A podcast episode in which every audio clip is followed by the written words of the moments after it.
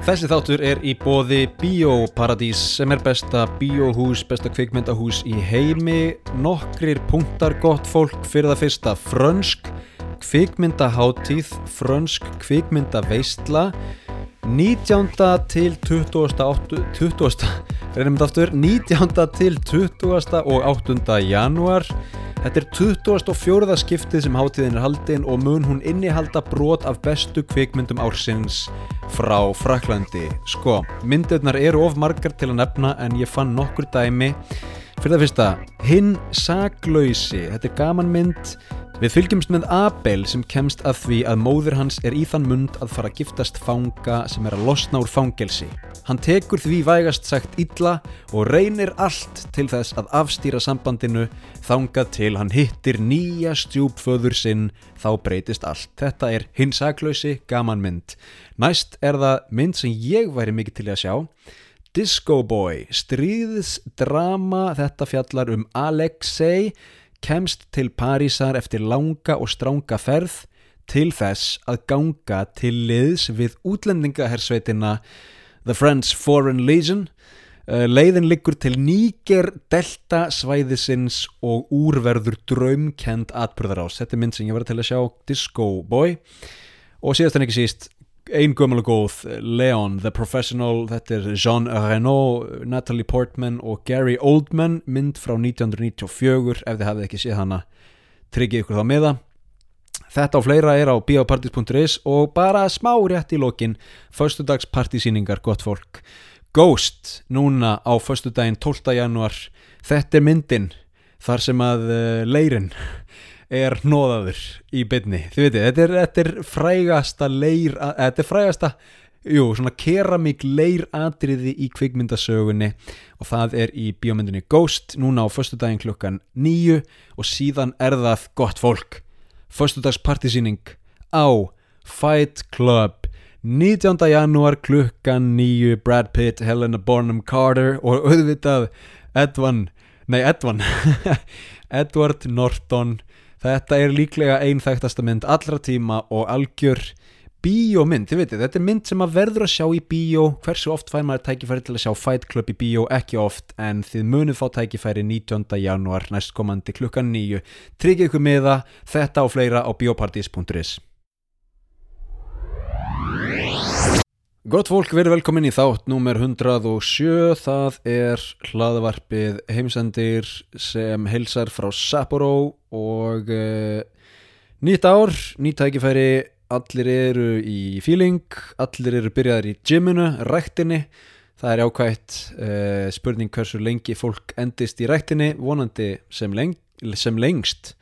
Er það ekki? Uh, sko, þessi þáttur heitir The United States of Europe og þið verður bara fyrirgefa að ég skýri þáttinn það á ennsku að ég hafi ennskan titil, ég er náttúrulega vil þýða allt.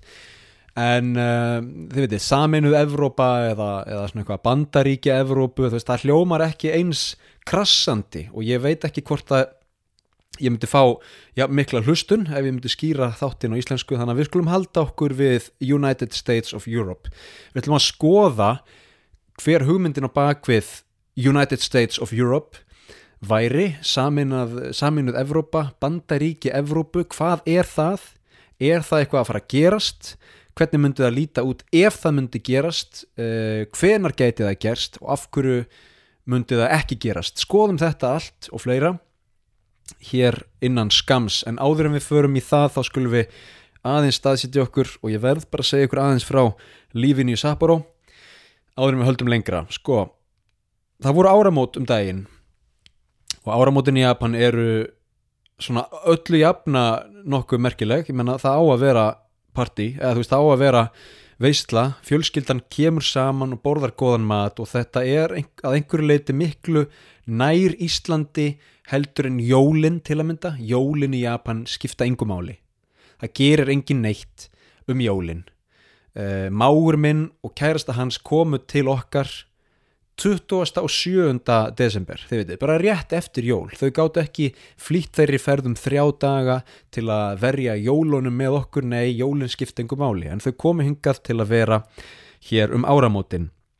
og þá hugsa ég, ok, betur, hvernig er áramótin í Japan allir náttúrulega klæða sig í fín fött og fólk er í skóm inni og svona eins og við höfum rætt áður nei, það er ekki þannig. Uh, sko, og ég veit ekki hvort þetta sé bara mín fjölskylda hérna í Japan eða hvort þetta sé almennt svona en uh, ég var einn í skirtu og ég var einn með bindi.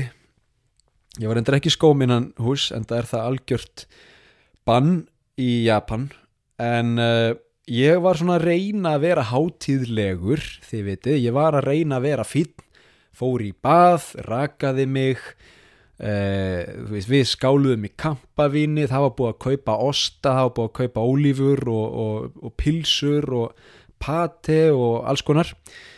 En, uh, og þetta var bara fínt hjá okkur við, eins og ég segi, við skáluðum og, og fengum okkur forrétt og svo fengum við aðrétt svo kallað sjabu sjabu sem er svona svína þinnur sem maður dýfir í uh, heitt vatn þetta hljómar ekkert rosalega vel en þetta er mjög gott, þetta er svona heitt vatn sem er með kannski sojasósu og, og einhverju svona smá bragði og, og fullt af grammiti svo dýfir maður svona svína þinnum það er að segja þund skorið svínakjött dýfir því úti það tekur kannski tíu sekundur að, að elda kjöttið og svo bara beint beint upp í munnin, þið veitir þetta er svona ákveðin eh, áramóta matur hérna. Nema hvað að tengda mamma hún alltaf fekk COVID sko uh, þannig að hún var ekki með á áramótunum en hún reyndar, það var bara of sorglegt. Og við sendum hann upp í Herbyggi til að vera einn þar með grímu og fórum síðan með svona uh, þú veist, þið veitir litla skál af sóðnu svínakjöti til hennar og svo kendum við svo í brjóstum hann að við sögum ægi kottu niður og verður nú með okkur og þú mátt þá bara sitja í smá fjarlæð, tveir metrar og gríma og svona. En hérna, veist, ég veit ekki það er eins og kvíl ekkur álög á mér. Það er aldrei, ég næ aldrei fram þessu íslenska hátíðs, hátíðlega skapi. Ég næði ekki fram hérna í Japan. Veist, og ég er svona ég ætla nú ekki að gefast upp, ég ég ætla ekki að hætta að reyna en en þú veist, ég er svo eini sem klæði mig upp, ég er svo eini sem vil vera vakandi klukkan tólf. Ég er svo eini sem vil fara út og hérna, já, vil hitta fólk, þú veist. Hér er allir bara, ægi klukkan um tíu ekki bara að fara að sofa. Þannig að áramótin hérna voru bara mjög róleg. Við vorum komin upp í rúm fyrir miðnætti og uh, engir flugöldar og ekkert parti en uh, það var svo sem bara fínt þægilegt og notalegt. Sko, síðan gerist það fyrsta janúar að það er jarðskjálti og eh, sem er náttúrulega er bara hræðilegt en, en, en Japan er samt land þar sem að jarðhræringar eru mjög uh, algengar. Og þetta er bara svona þetta er bara hluti af því að búa í Japan. Og síðan daginn eftir þá er flugslis hjá Japan Airlines. Blæðsónulega komust allir lifandi úr þeirri vél 379 manns. Og það er sko það eru tvær ástæður sem, sem fólk telur að hafa bjargað þeim. Fyrir að fyrsta Airbus vélinn var af nýju gerðinni, þetta er ein af nýjustu Airbus vélunum, hún er gerður að miklu leiti úr trefjaplasti og, og er hérna e, er bara, þið veitu, bara mjög örug og góð vél og það hefur sannað sig með þessu flugslýsi og síðan eru það japansku uh, áhafnar meðliminnir sem eru vel þjálfaðir og brúðust hárétt virð og, og kærasta máks míns, kærasta Maliks hún er einmitt flugfræja fyrir reyndar annar flugfíla í Japan. Og hún var að tala um það, þú veist, já já við þurfum bara að fara í tveggja vekna námskeið á hverju einasta ári uh, og læra og æfa að uh, sko tæma svona vel stóra breyðþóttu á 90 sekundum við bara hérna æfum þetta alveg á hverju ári og, og, og það hefur sínt sig. Að það bergar mannslífum af því að þarna bara gekk þetta eins og smurðvél uh, blessunlega fór það ekki verð þó að, að hérna, hinn flugvílinn hafi náttúrulega verið hitt sko það er að segja hinn flug, flugvílinn með sex áhörnar meðlimi og fimm þaraf sem letust það er mjög sorglegt en svona er þetta, lífið heldur áfram. Síðan horfið ég á bíómynd sem heitir The Society of the Snow virkilega góð bíómynd, talað um flugslið sem fjallar um 1972 uh, úragvæska flugvél sem ferst sem, sem brotlendir í Andes fjöllunum og eftirlifundur flugsliðsins þurfa að berjast við eh, náttúruöflin í 72 daga, takk fyrir í Andes fjöllunum 72 daga, þetta er rosaleg bíómynd, ég held hún muni reppa Óskarsverlun á næsta ári uh, Society of the Snow. Hann ætla á spænsku en með texta, virkilega góð. Ok, 1 punktur viðbót svo förum við í United States of Europe. Ég er búin að vera með upp á síðkast heilsu og reyfingu á heilanum og uh, það er bara, víst þetta er góð tími til að tala um það. Fólk er með nýjárs heit já, já, 2024, nú ætla ég að koma mér í, í form uh, bumban burt fyrir sumar. Nú gerist það, ég sagði það sama á síðast ári en nú gerist það. Uh, ég ætla að skrá mig í rættina ég ætla að skrá mig í rættina og ég ætla að mæta sjösirmi viku. Það er náttúrulega, eru margir að byrja í rættinni og svona. Um, ég vil bara deila aðeins með ykkur sko. ég, fyrir mína parta þá er þetta einfalt. Maður á að hreyfa sér daglega. Skiptir ekki málu hvað þú gerir skiptir svo sem ekki málu hvað þú gerir það lengi bara að þú gerir það. Ef nennir ekki að lifta lóðum þá skaltu fara í badminton. Ef nennir ekki í badminton þá skaltu fara í göngutúr. Ef nennir ekki í göngutúr þá skaltu fara í sund. Það skiptir einhver málu hvað þú gerir bara eitthvað sem þú nennir að gera bara að þú gerir það. Þetta er einfalt. Uh, sko ekki taka þryggja klukkutíma æfingu einu sinni í mánuði. Taki frekar tímindna æfingu einu svona dag. Reyfing daglega, dagleg reyfing það er nummer 1, 2 og 3 uh, hafandi sagt það þá vil ég samt líka meina að allir eigi að lifta lóðum. Fyrir vöðva fyrir uh, bein fyrir uh, taugakerfið fyrir hérna, efnaskiptin. Það að lifta lóðum, sérstaklega stórar æfingar eins og réttstöðulifta eða sérst kraftliftingar, nýjabæja, réttstöðulifta backpressa jafnvel ég samt er ekkit rosalega mikið henni en þau veit, það er bara stórar æfingar það gerir svo mikið fyrir líkamann og það gerir svo mikið fyrir því núna og fyrir því í framtíðinni. Þú ert bæði að byggja upp traustan grunn til að takast á við komandi ár sem og þér mun líða betur right now, þið veitir komandi beint úr rættinni þér mun líða miklu betur. Klukkutími rættinni þér mun líða betur. Líður íla, farið í rættina þér mun líða betur. Veist, þetta er náttúrulega bara no-brainer sko. um, en eins og ég segi ef, að, ef þú nennir ekki að lifta þá gerir eitthvað annað sem þú nennir að gera. Og nei, nei, nei. Þú verður ekki eins og Ritz Piana ef þú liftir í tvær vikur. Það eru margir sem halda það. Ég, ekki, ég vil ekki lifta lóðum af því að þá verður maður svo stór og massaður. Nei, nei, nei, nei, nei. Ég get sagt ykkur það. Ég er búin að lifta í 15 ár. Ég líti ekki út eins og Jay Cutler. Það er ekki. Skilur þau sko þið vitið ekki hvað maður þarf að borða ógeðslega mikið og lifta ógeðslega mikið og dópa ógeðslega mikið til að líti út eins og Rich Piana eða Jay Cutler. Og ekki það að það sé eitthvað sem uh, almenn manneskja sækist í, en þið veitir þú veist, afsökunin eða, eða ástæðan eitthvað, nei ég vil ekki fara að lifta ég nenni ekki að út, ég nenni ekki að vera massaður eða mössu eða eitthvað nei, nei, nei, nei, nei, það mun ekki gerast. Það get alveg slaka á, sko. Það mun ekki gerast á tveimur vikum, nei, nei, nei, nei, nei.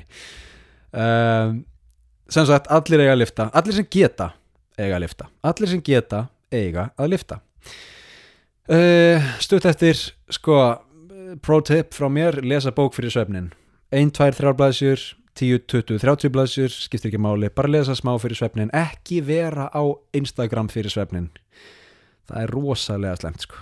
bara lesa smá. Ég er reynda búin að vera að lesa erfiðarbækur Kristni hald undir jökli og svo núna The Brothers Karamazov eftir Dostoyevski ekki ekki auðveldasta efnið fyrir svefnin ég hérna verða við ekki með það, ég er ekki að meðtaka mikið þegar ég er svona þreytur en um, kannski að lesa eitthvað að leta skáldsögu rauðu seríuna eða eitthvað svona bara lesa smá fyrir svefnin Murakami, ef þið eru að leita að auðmeltu góðu skáldsögu stöffi frá Japan Haruki Murakami. Haruki Murakami. Það er stöff sem þú getur lesið bara alveg, veist það er bækur sem þú getur bara lesið á tveimur dögum. Þær eru mjög auðmeldar eða auðmeldanlegar þær eru rosalega góðar og þær eru mjög góðar ef þú vilt sko fá insýn inn í hversdagslegt líf í Japan auðvitað er Murakami líka í skrýtnu hlutunum, hann er líka í undirheimum, hann er líka í einhverju svona sálarlífi og, og, og draumkendu en hann er rosalega góður í því að lýsa bara ég fer í vinnuna, ég vinn tíu tíma, ég kem heim, fæ mér einn bjór og steiki núðlur. Þú veist, hann er rosalega góður í því að lýsa líka hverstagslegu japansku lífi og það er mjög gaman að lesa hann fyrir það. Ef þú eru að leita lesefni fyrir svefnin, Haruki Murakami. Síðast en ekki síst, sánan. Sánan bjargar mannslífum. Sko, ef ekki væri fyrir sánuna, þá veit ég ekki hvar ég væri. Sánan er besti vinur minn, fyrir utan alla hinna bestu vini. Mína sánan er, sko, sánan í bland við líkamsrækt. Þetta er eitthvað sem ég gæti ekki verið án. Af hverju, í fyrsta ræði þá líður manni rosalega vel kannski ekki í sánunni það fyrir eftir hversu lengi maður er í sánunni en allavega eftir sánuna líður manni rosalega vel. Pluss það að sko ef ég er til og með þreyttur og fyrir sánu þá þá einhvern veginn lifna ég allur við lifna við og kem tilbaka. Og síðan er það bara þannig að sánan virðist vera mjög góð fyrir hjarta og æðakerfið virðist vera mjög góð fyrir almenna heilsu og virðist vera að stuðla einhver leiti að langlífi. Kannski ekki í lofttæmi þið vitið. Ef maður reykir og drekkur eins og svín með sánu þá veit ég ekki hversu mikið sánan gerir. En, en sko sánan er allavega tól til góðs. Og uh, þó ég sé ekki læknir þá stend ég við það að sánan er, er sé hún rétt nótuð þá er sánan uh, þá getur sánan bjargað mannslífum. Uh, ég mælu með því. Þetta er svona lífið í Sapporo heldur áfram, lífið er bara gott. Þessa stundina, nú skulum við fara í aðal efni dagsins United States of Europe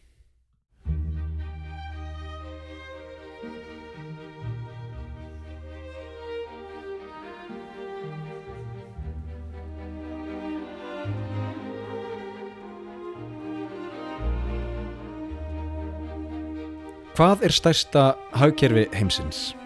Bandaríkinn á ennsku The United States of America stundum USA Já, það eru bandaríkinn Í öðru sæti setur Kína eða PRC, vissuðu það? People's Republic of China þýtt á íslensku alþýðu líðveldið Kína ekki ruggla því saman við líðveldið Kína betur, betur þægt sem Taiwan Nei, alþýðu líðveldið Kína annars vegar og líðveldið Kína hins vegar, við erum að tala um PRC eða ROC ég veit þetta er rugglingslegt. Kallum þetta bara Kína og Taiwan en uh, ekki í Kína. Í Kína skulum við bara kalla þetta Kína og Kína uh, af því að það er hérna, þeirra skoðun. Uh, fyrir restina, eða svona allan megnið af heiminum þá er Taiwan vissulega annað land Uh, þið veitir, eða hér eða hvað maður vil kalla jú, Tævan er land. Japan og Þískaland skiptast síðan á að hreppa þriðja og fjórða sætið. Það fer eftir vindum. Um, Japan var alltaf í þriðja sæti yfir stæstu hagkerfi heimsins. Þískaland tók fram úr því síðasta ár. Svo veit maður ekki hvað gerist í ár. Þetta fer eftir vindum. Í öllu falli eru hagkerfin svipuð að stærð. En hvað ef Evrópusambandið yrði meira en bara stjórnsýslu og efnahagssamband eða efnahagsbandalag. Hvað ef aðildaríki Evrópusambandsins myndu saminast í ríkja bandalag á borð við bandaríki Norður Ameríku? Hvað ef Evrópusambandið yrði bandaríki Evrópu? Eins og ég nefndi áður, þá yrði í fyrsta lagi að finna nýtt nafn. Bandaríki Evrópu skamstafað BE eða B á íslensku er ekki líklegt til vinsælda. United States of Europe sko náttúrulega er á ennsku, ég veit það og, og, og það þarf ennþá að finna einhverja góða þýðingu, en United States of Europe sem er skamstafað US þú veist USA, nei USE US uh, er svolítið gott sko United States of Europe, mér finnst það hljóma nokkuð vel Á íslensku gæti það kannski verið saminuð Evrópa eða jáfnvel nýja Evrópa eða Evrópublokkin, það er hljómar endur svolítið kommunist sko. Um, nýja Evrópa geti verið gott. Talandum nöfn og talandum Evrópu við taka smá útúrdúr. Eurovision á móti Eurovision sko, í, þetta finnst mér vera agalegt hjá, ég held að Rúf hafi byrjað með þetta. Sko, ég er allur fyrir því eða fyrir það að þýða úr ennsku yfir á íslensku. Að hætta sletta eða reyna lámarka slettur og finna þessi stað e, nýirði en ekki fara hálfa leið farðu þá alla leið. Eða þú ætlar að breyta Eurovision yfir í Eurovision hver, hver veist ákveður þá ekki Eurosín eða eða, eða eða, ég veit ekki. Þetta heitir alltaf söngvakeppni Evrópskara sjónvarpstöðva ok, gott og vel. Og Eurovision er örgulega tekið er örgulega sko European Song Contest of the Television eða eitthvað. Sett niður í Eurovision. Eurovision er samt rosalega gott nafn og við getum borðið það auðvitað fram á íslensku en Eurovision er óþjált og skrítið. Okkur er bara fyrir hluti orðsins þýttur en ekki setni, ég skilða ekki. Um, ok, þetta var út út úr aftur að efninu. Ef Evrópulöndin myndu saminast í eitt alríki værum við að tala um annað stæsta hagkerfi heims.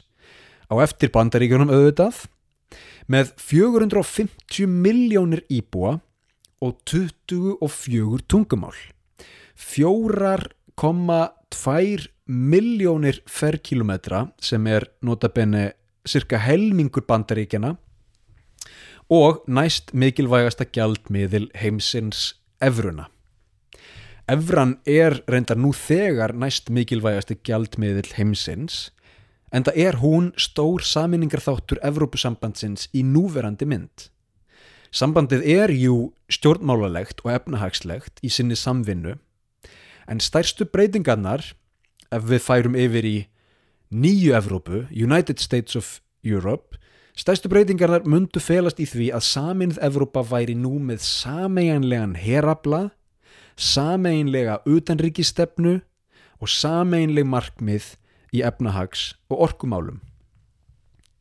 Við skulum skoða nokkrar ástæður fyrir því að þetta geti gest fyrir mögulegri saminningu Evrópu og hversu líklegt það er að við sjáum þetta nýja ríkjabandalag líta dagsins ljós.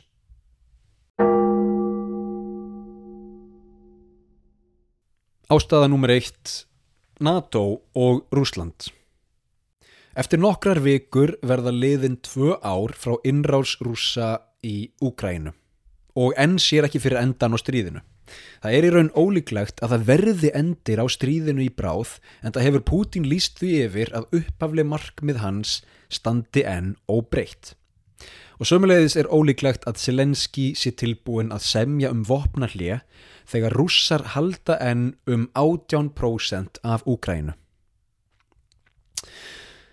Samkvæmt BBC eru nokkrar sviðsmyndir mögulegar fyrir árið 2024. Í fyrsta lagi Stríðið verður stjórnmálalegt í Washington og Brussel. Þetta er að mörguleiti, að mikluleiti nú þegar orðið, þetta er staðan í dag. Republikanar og ungverjar mótmæla auknu fjármagni til Úkrænu. Þetta styrkir stöðu Pútins sem segir I told you so, ég sagði ykkur það. Vestrið er bara saminað í orði, ekki í verki. Í öðru lagi önnur sviðismynd óbreytt staða, báðar hliðar sapna kröftum og sleikja sár. Úkræna reynir að halda stöður sinni í vestanverðu svartahafinu, rússar sapna liði og vopnum. Þetta þýðir að við séum komin með einhvers konar jafntefli uh, og báðar hliðar, orðnar þreyttar á lungu stríði og, og og, og, herrmennir á, á, á fremstu výlinum uh, eh, verða að fá frí og herrdeldirnar verða að fá tækifæri til að jafna sig og ná, ná í, í nýjan uh, liðsabla og þjálfa nýjan liðsabla og, byggja upp vopnabúrin að nýju. Það sem Úkræna hefur náð að gera er að hún hefur náð að bæja burt rússum og sérstaklega rúsneska sjóhernum frá vestanverður svartahafinu. Þetta gerir úkrænumönnum auðveldar fyrir að flytja út uh, korn, kornmeti, þið veitir kveiti og annað slíkt. Uh, núna eru úkrænumenn með betra hald á vestanverður svartahafinu og, og rússar uh, í raun með, með verra með, með verra hald eða, eða sérst, rússar eru, eru farnir að færa sig yfir í austanvert svartahafið minnað nota höfnina í Sevastopol og, og meira komnir yfir í austanverðan krímskaga eða þá jafnvel rúsnest meginland. Sem sagt uh, óbreytt staða. Kíkjum á þriðju sviðsmyndina sem BBC dregur upp og hún hljóðar svo. Úkraina tekur krímskaga Flestir einblýna á pattstöðu úgrænumanna og lýsa því yfir að gagn árásinn síðasta sömar hafi mistekist. Það má vera, en það má hins vegar ekki gleyma því að rússar er ekki heldur að ná að sækja fram.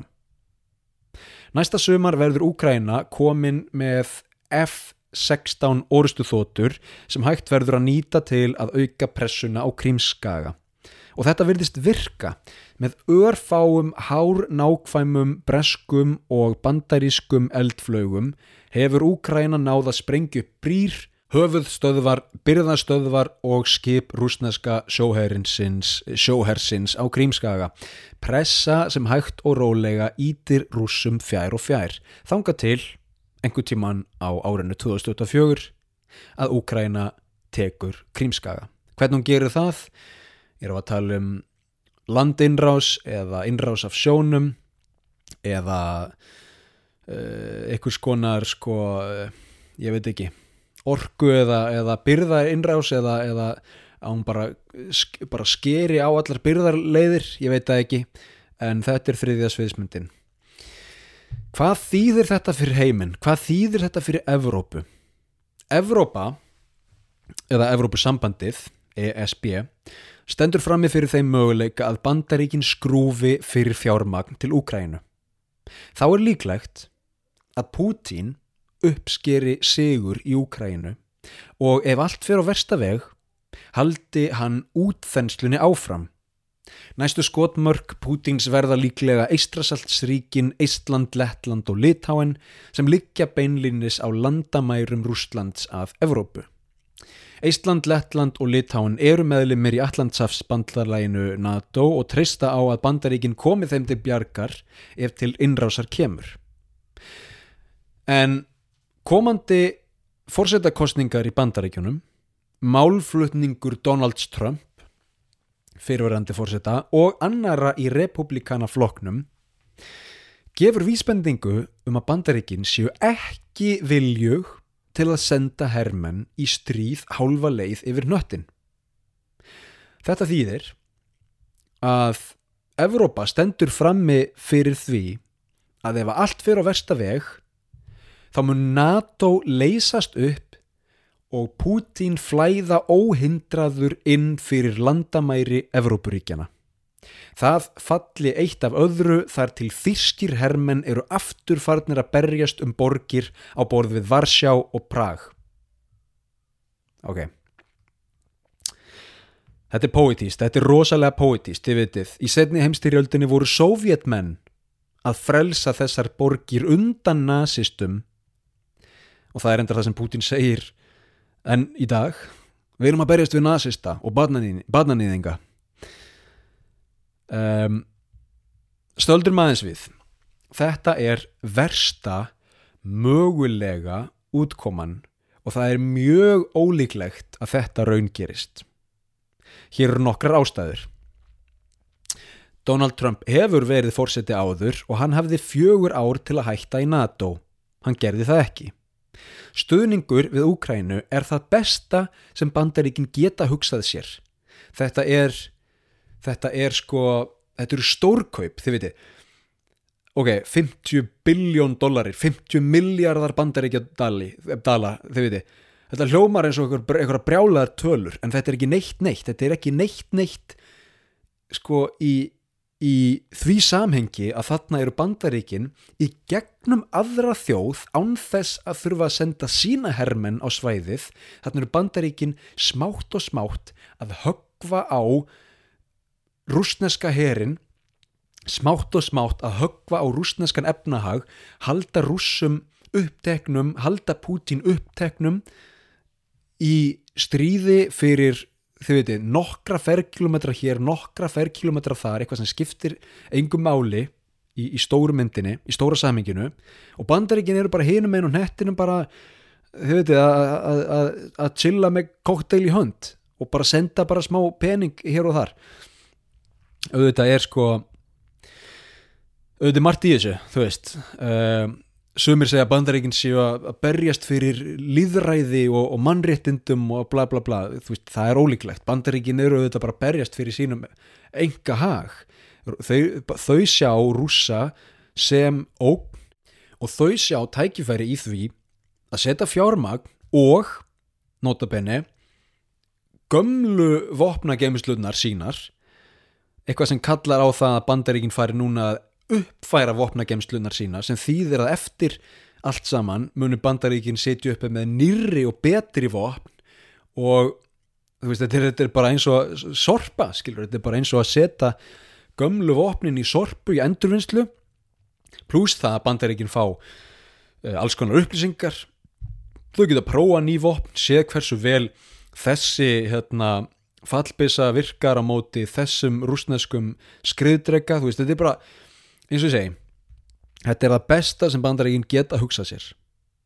Þannig að það er mjög ólíkulegt að bandaríkin muni, muni hérna hætta við sko. Þetta er, miklu, þetta er miklu líklega til að vera bara einhvers konar pólitíst spil republikana til að reyna að vinna næstu fórsettakostningar en þegar á holminni komið finnst mér mjög ólíkulegt að, að bandaríkin muni draga, draga sig úr Úkrænustriðinu Og síðan er næsta ástæða, Evrópa ætlar ekki að gefast upp fyrir Pútín. Eistrasaltsríkin munu berjast. Póland mun berjast. Finnar og svíjar er í næsta nágrinni og þeir búa yfir fullkomnasta vopnabúnaði í heimi. Þjóðverjar eru loksins farnir að vakna upp frá lungum blundi og setja aukið búður í varnir og uppbyggingu hersins. Nú er ég ekkert endilega að tala fyrir hervæðingu en staðan í heiminum er þessi.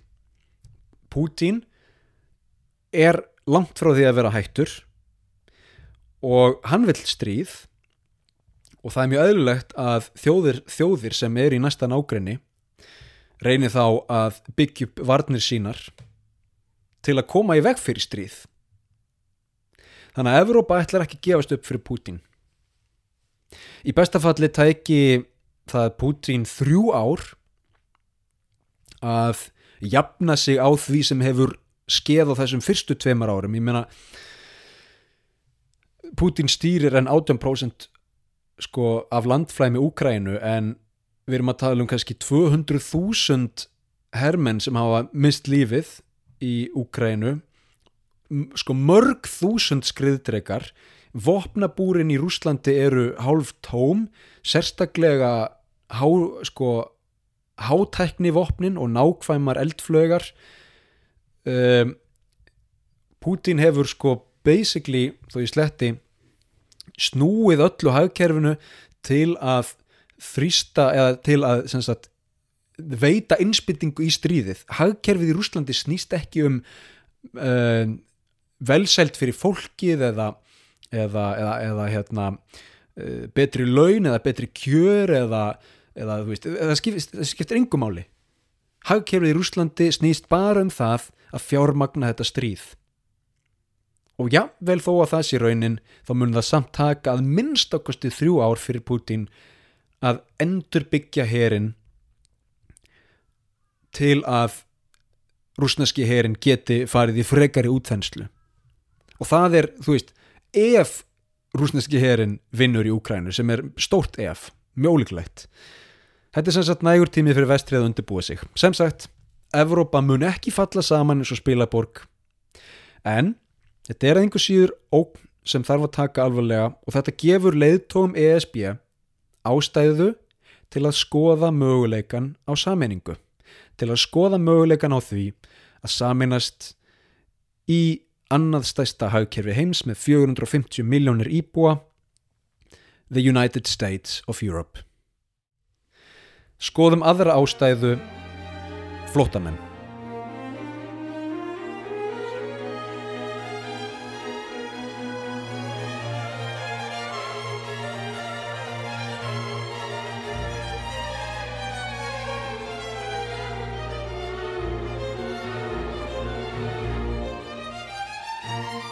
Hvað eru landamæri í Evrópu? Hversu miklu máli skipta þau? Við konumst flest við að ferðast inn í Schengen svæðið og fá flíti meðferð í vegabrifstsekkinu. Við sjáum tugi ef ekki hundruði ferðamanna býða í annari röð. Kínverjar, bandaríkjaman, indverjar og ástralir hlaðast upp eins og dominokúpar en við löpum beint í gegn um rafrænt hlið. Ég þekki það sjálfur. Ég ferðast með japanskri eiginkonu í gegnum Finnland á leiðin til Íslands og finnskur landamæravörður segir við mig velkomin heim. En kona mín þarf að býða í hinni röðinni með tugum eða hundruðum annara ferðamanna. Þetta er bara dæmi veist, auðvitað, auðvitað er að ég sendi hann ekkit í ég sendi hann ekkit eina í hína röðina. Ég ég býði náttúrulega með henni. Ég get farið í báðaræðir sko og við getum farið í báðaræðir það er að segja fólk sem er með ríkisfang á Íslandi. Um, hvað með viðskipti og vöruflutninga? Nú er talað um landamæri innan Evrópusambandsins að þau séu eins vega mikil og landamæri milli mismunandi ríkja bandaríkjana sem sagt landamæri milli Evrópusambandsins eða það er að segja innan Evrópusambandsins eru bara eitt skildi Welcome to Texas Drive friendly The Texas Way. Eða Benvenuti in Italia Mangia la pasta la maniera italiana. Þau veitir eitt skilti og ekkert annað. Ekkert, ekkert sko engin vopnuð örgiskæsla eða, eða gattavýr eða neitt. Nei, nei, þetta er bara úr bara keira sér skilti, hei, ég tók ekki einu svona eftir því að við værum komin inn í nýtt ríki, inn í nýtt land. Sem sagt Európusvæðið er götugt eins og svisneskur ostur, svo vörur og verkamenn geti flætt óhindrað um kerfið. Hvað með innflytjendur og flótamenn? Miðjarðarhafið og austur slas mið-Evrópa eru helstu gluggar flótamanna inn í Evrópu. Spán, Ítalja, Gríkland, Póland og Ungveriland eru helstu löndin þar sem flótamenn mæta fyrst. Sumir fá vernd en margir halda annað hvort áframferð sinni lengra inn til Evrópu, til dæmis til Þískalands, Fraklands og Svíþjóðar eða eru sendir úr landi. Talandum að senda flótamenn úr landi þá hefur Viktor Orbán, fórsetisráð þeirra Ungverilands og Pútins vinnur, farið gegn reglugerðum ESB í flótamannamálum. Flótamenn koma inn til Ungverilands aðeins til þess að vera sendir annað til að mynda til Serbíu. ESB hyggst tækla þetta vandamál í saminningu. Að landamæra ríki, þar að segja löndin þar sem flótamenn koma fyrst, þurfi ekki einað standa að vandanum heldur muni öll aðeldaríki koma að úrlausn. Póland, Slovakia, Ungverjaland og fleiri eru þó líkleg til að berjast gegn auknum ströymi ferðamanna, fyrirgifið, flótamanna, ekki ferðamanna flótamanna inn til Evrópu og vilja heldur styrkja landamæri það er að segja meiri landamæra gæsla jafnvel lokuð landamæri. Maður kemst ekki hjá því að hugsa að með saminningu Evrópu, Evrópu því þetta er nýja Evrópa, United States of Europe með saminningu Evrópu í eitt ríkjabandalag væri betur hægt að tækla þetta vandamál. Það væri blóðugt vissulega það væri aukið alræði eða, eða alríki allavega. Þið gerir það sem við segjum þannig er það. Ef þið gerir þetta ekki þá hættum við að gefa ykkur peninga. En þrátt fyrir þetta þá myndu málin allavega ekki stoppa í einhverjum kappræðum og skriffinsku í Brussel. Þú veist, neitunarvald veto. Við þurfum að fá meiri hluta hérna, kostningu eitthvað svona bla bla bla. Nei nei ef við værum bara með eitt alriki, United States of Europe með kannski kjörin forsetta þá væri mögulega auðveldar að tækla þetta vandamál Það verður þó að tæljast óhugsandi að til dæmis Ungveriland myndi samþykja að ganga í slíkt ríkjabandalag og gefa upp möguleikan á að stýra eigin landamærum. Aðeins meira um Ungveriland, bara því að það er áhugavert og skemmtilegt. Ungveriland átti afmæli þann 20. ágúst 2023. Hverjir voru á bóðslistanum? Kanye West? Mel B? Elon Musk? Nei. Hvað með Emmanuel Macron eða Olaf Schultz? Nei, ekki heldur. Á bóðslistanum voru leiðtogar frá Tyrklandi, Serbíu, Azerbaijan, Kyrgyzstan, Uzbekistan og Katar. Já, auðvitað. Hvað er það fyrsta sem mann dettur í hug þegar maður hugsa um Ungveriland? Auðvitað Kyrgyzstan. Nei, nei, þetta er áhugaverður hópur og hefur öruglega verið áhugavert parti líka. Þetta sýnir skýrt hvert Orban horfir. Hann telur að vestrið sé á útleið og gömlu silkileiðirnar séu rétt handan við hornið. Það er allt gott og blessað. Ég fagnar því að innan Evrópu séu mismunandi skoðanir og mismunandi rattir. Það er holdt. Það er gott. Ég myndi samt ekki setja pening á fall vestursins alveg strax. Ég hef áður tekið þetta dæmi en það er gott svo ég geri það aftur. Þetta er skrifað og tekið upp á Apple 12 við hliðina á Apple síma á meðan ég hlusta á tónlist í Apple hirtnatólum af streymisveitunni Spotify. Síðan keiri ég um á Mini. Ég á hann reyndar ekki sjálfur, tengda mamma á hann. Ég flýg um í Airbus eða Boeing, ég horfi á myndbönd á YouTube og Instagram og Netflix. Ég vildi reyndar að ég gæti hægt að horfa á myndbönd á Instagram, það er annað mál. Og loks fæ ég greitt í gegnum Patreon og Paypal og hvað á allt þetta sameinlegt? Jú, allt eru þetta fyrirtæki sem tilheyra því sem við köllum vestrið sem sagt, Viktor Orban ég laka til að sjá hvernig þetta veðmál þróast hjá þér en ég beini mínum peningum annað.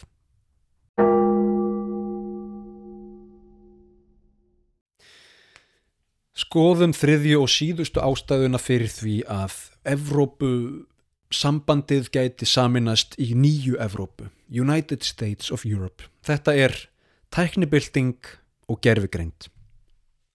Talandum tækni og tæknimál. Þann 25. ágúst 2023 rann út frestur tæknifyrirtækja til að taka upp nýjan lagaramma fyrir starfsými sína á Evrópusvæðinu. Hvað þýðir þetta? Hvað fælst í nýju lögunum?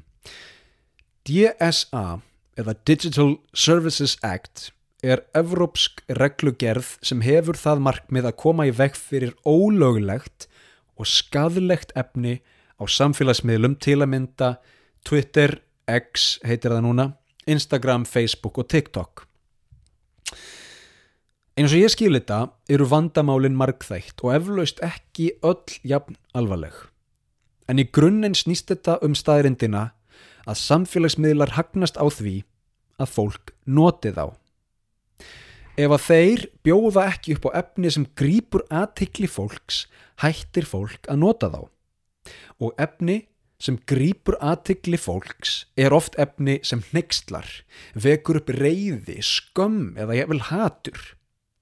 Góðar fréttir eru góðar fréttir en slæmar fréttir eru betri. Það er staðrind að fólk ver meiri tíma á samfélagsmiðlum í kringum neikvægt efni heldur en jákvægt og tækni fyrirtækin og bakvið samfélagsmiðlana vita þetta. Kinnlíf selur, ofbeldi selur, hatur selur en þarf maður að leita efninu? Nei, efnið finnur mann sjálfan. Algoritmin eða reikniritið á bakvið forritin fylgjast með því sem þú gerir á samfélagsmiðlum, hvað þú horfir á og á hvað þú setur læk.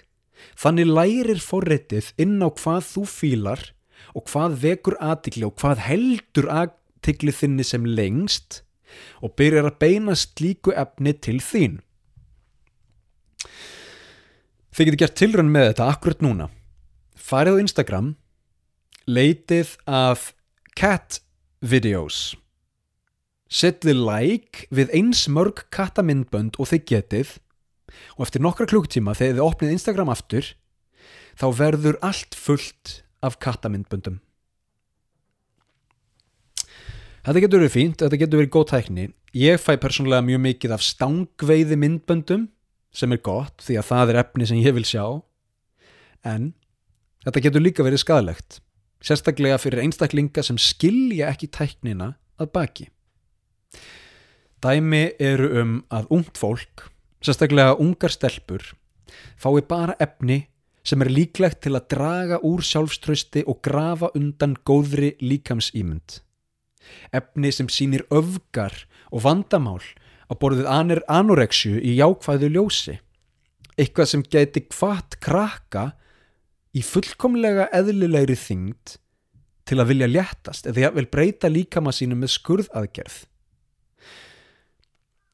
Önnur dæmi um efni sem samfélagsmiðlar vita að selur er hatursorðræða gegn geðingum, hvítir öfgahópar með rasískan bóðskap og efni sem grefur undan trösti á líðræði og mikilvægi kostninga.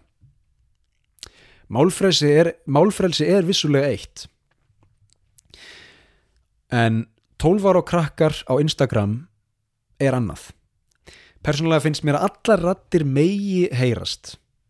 En þá verða líka allar rattir að heyrast og það er ekki raunin með samfélagsmiðla sem eru frekar vísir til að bunga saman svipaða rattir og senda þær á fólk sem er líklegt til að taka vel eða illa í þann bóðskap. Það fær aldrei að heyra eða sjá hina hliðina.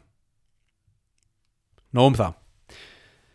Það eru sem sagt vandamál á samfélagsmiðlum og Evrópa hefur löglegt fyrsta alvöru lagapakkan til að takast á við vandamálinn og gefur þetta ESB og aðildaríkjum þess leifi til að sekta tæknirisa sem fylgja ekki lögunum.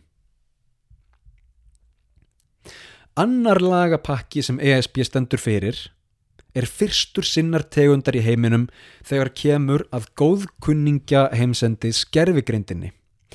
ESB er sem sagt fyrsta svæðið sem mun innleiða gerfigrind eftir ákveðnum lagaramma sem á að vernda þegna þess frá neikvæðum áhrifum gerfugrindar. Hvernig ætlar ESB að gera það?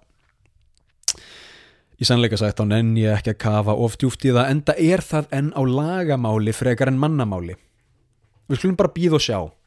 En þetta þýðir þó að ESB hefur burði til að festa í lög vernd gegn óheftri tæknithróun, eitthvað sem önnur lönd, þið veitir, ESB er ekki land, en önnur lönd hafa ekki enn náð að gera. En byrju nú við. Við ætlum að tala um möguleikan á saminæðri Evrópu, the United States of Europe. Þetta hljómar eins og við sjöum nú þegar komin með saminæða Evrópu. Það er nefnilega málið. Ein heimild sem ég skoðaði vill meina að saminuð Evrópa sé nú þegar til. Það er til Evrópst Þing, það er til framkvæmda stjórn ESB sem setur reglugerðir eins og með samfélagsmiðla og gerfigrind. Annað dæmi um slíka reglugerð er þegar þau settu bann við og ég sletti roaming charges á símanum, á snjálfsímanum. Þau settu bann við því að rukka svo kallað roaming charge á símfyrirtæki er bönnuðu sem sagt símfyrirtækjum að rukka aukalega fyrir nótgun þegar fólk ferðast um evrópska efnahagsveiðið. Þess vegna getum við, Íslandingar, þegar við ferðumst til spánar, notað síman áhugjuleust, notað internetið, ringt, sendt skilaboð, þið veitir, engin auka gjöld. Og þetta er Evrópusambandinu að þakka. ESB setur raunar reglur og lög um nánast allt milli himins og jarðar og þau virðast vera svo góð í því að við á Íslandi tökum jafnan upp þessi lög eins og þau leggja sig. Ekki öll auðvilda, en morg. Þá vaknar spurningin, betur, er er, er, er USA til? Er uh, er þetta ekki bara komið? United States of Europe það er bara annað nafn yfir ESB nei þetta er ekki alveg komið. Og það er kannski ein megin ástæða fyrir því. Evrópu þjóðirnar eiga að baki mörg þúsund ára sögu og djúpa menningu margir Evrópubúar eru þjóðernissinnaðir og ættu erfitt með að skipta út eigin landi með eigin menningu og eigin fána fyrir sameinlegt evrópst reglífar þjóðerni. Bandarækjumenn geta þetta, bandarækjumenn eru fyrst og fremst Amerikanar, þið vitið. Vissulega getur sömur bandarækjumenn sagt ég er, I'm a Texan, I'm a Texan, uh, I'm a New Yorker, þú veist. En fyrst og fremst eru bandarækjumenn samt bandarækjumenn. Vissulega eru til dæmi um sambandsríki eða ríkja bandalög eða hvað maður vil kalla það þar sem mismunandi menning og tungumál fá að njóta sín samanber Kanada og Indland en þau verða eiga það sameinlegt að þegnar þeirra líti á sig sem þegnar þeirra Kanadamenn og Indverjar þá vaknar upp spurningin erum við Evrópabúar auðvitað er Ísland ekki í Evrópusambandinu þannig að við erum tveimur skrefum frá því að verða einhvers konar þegnar eh, sameinaðis Evrópu ríkjabandalags og ættum við að verða það? Ættum við að vilja verða það, ég veit það ekki við getum spurt okkur, erum við Íslandingar Evrópu búar Evrópu búar er fólk sem býr í Evrópu. Búum við í Evrópu? Búum við ekki frekar í norður Allandshafinu ætli við séum ekki frekar Allandshafsbúar heldur en Evrópabúar og svo getum við litið á menningun okkar. Á hún svo margt skilt við Evrópu? Eða á hún kannski mikið skilt við Bandaríkin? Erum við kannski mitt á milli Evrópu og Bandaríkina landafræðilega erum við það. Saminuð Evrópa, nýja Evrópa The United States of Europe verður líklega aldrei til í sömu mynd og bandaríkin The United States of America.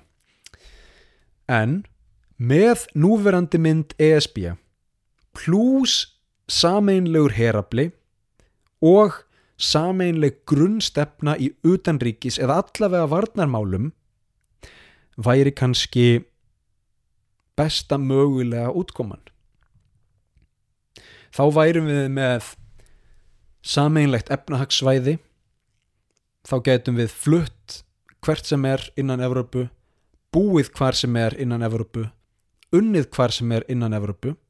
Nota beina eitthvað sem við getum gert í dag, því líkur luxus pluss það að Evrópa væri með sitt eigið varnarbandalag við yrðum ekki að treysta á bandaríkin lengur Pútín myndi kannski hugsa sér tvis árum áður en hann færi að ráðast inn í Eistland af því hann vissi að á bakvið Eistland væri sameinlegur evrópskur her sem gæti auðveldlega talið 1,3 miljónir hermana í fullri þjónustu. Við erum að tala um 450 miljón þegna. Við erum að tala um annað stæsta, annað ríkasta hagkerfi heims. Ég myndi halda að þetta væri mögulega besta lausnin eða besta mögulega lausnin besta mögulega sviðsmyndin mun Evrópa þróast í þessa átt það fer eftir ímsu það fer eftir því hver sigrar í fórsetakostningum bandaríkjana í ár 2024 það fer eftir því hvað gerist í Úkrænu það fer eftir því hvað gerist í Rúslandi það fer eftir því hvað gerist í Ungverilandi það fer eftir ímsu en það verður virkilega áhugavert að fylgjast með því hver framtíð Evrópu verður. Er Evrópa í hnignun, er Evrópa búinn, munu löndin hrinja úr Evrópu sambandinu eins og skraut af gömlu jólatri, eins og Bretland, eða munu fleiri ríki vilja koma saman og ganga til liðis við ESB, maður veit það ekki. Ég laka allavega til að fylgjast með og sjá hversu nálagt Evrópa kemst því að verða The United States of Europe. Nýja Evrópa Þetta var þáttur um geopolítík og Evrópu og Evrópumál. Þetta var þáttur sem fjallaði að engu leiti um Japan. Þeir eru nú fáir, en uh, það er gaman að, að skoða nýjar lendur. Um, og ég minni á Patreon, segið vinum ekkar frá, segið uh, fólki frá. Ef þú kæri hlustandi ert ekki á Patreon, akkurat núna, af því að þetta er ofinn þáttur, ef þú ert ekki á Patreon, ef þú ert að hlusta frítt, kæri hlustandi kíktu þá á Patreon, sjáðu hver markmið ársins 2024 eru. Það er mikil veistla framlundan og ég minni á að 50% af öllu efni heimsendis er aðeins aðgengilegt á Patreon og þú getur fengið aðgang að því fyrir svo lítið sem 5 dólara á mánuði. Takk fyrir að hlusta og við heyrumst í næsta þætti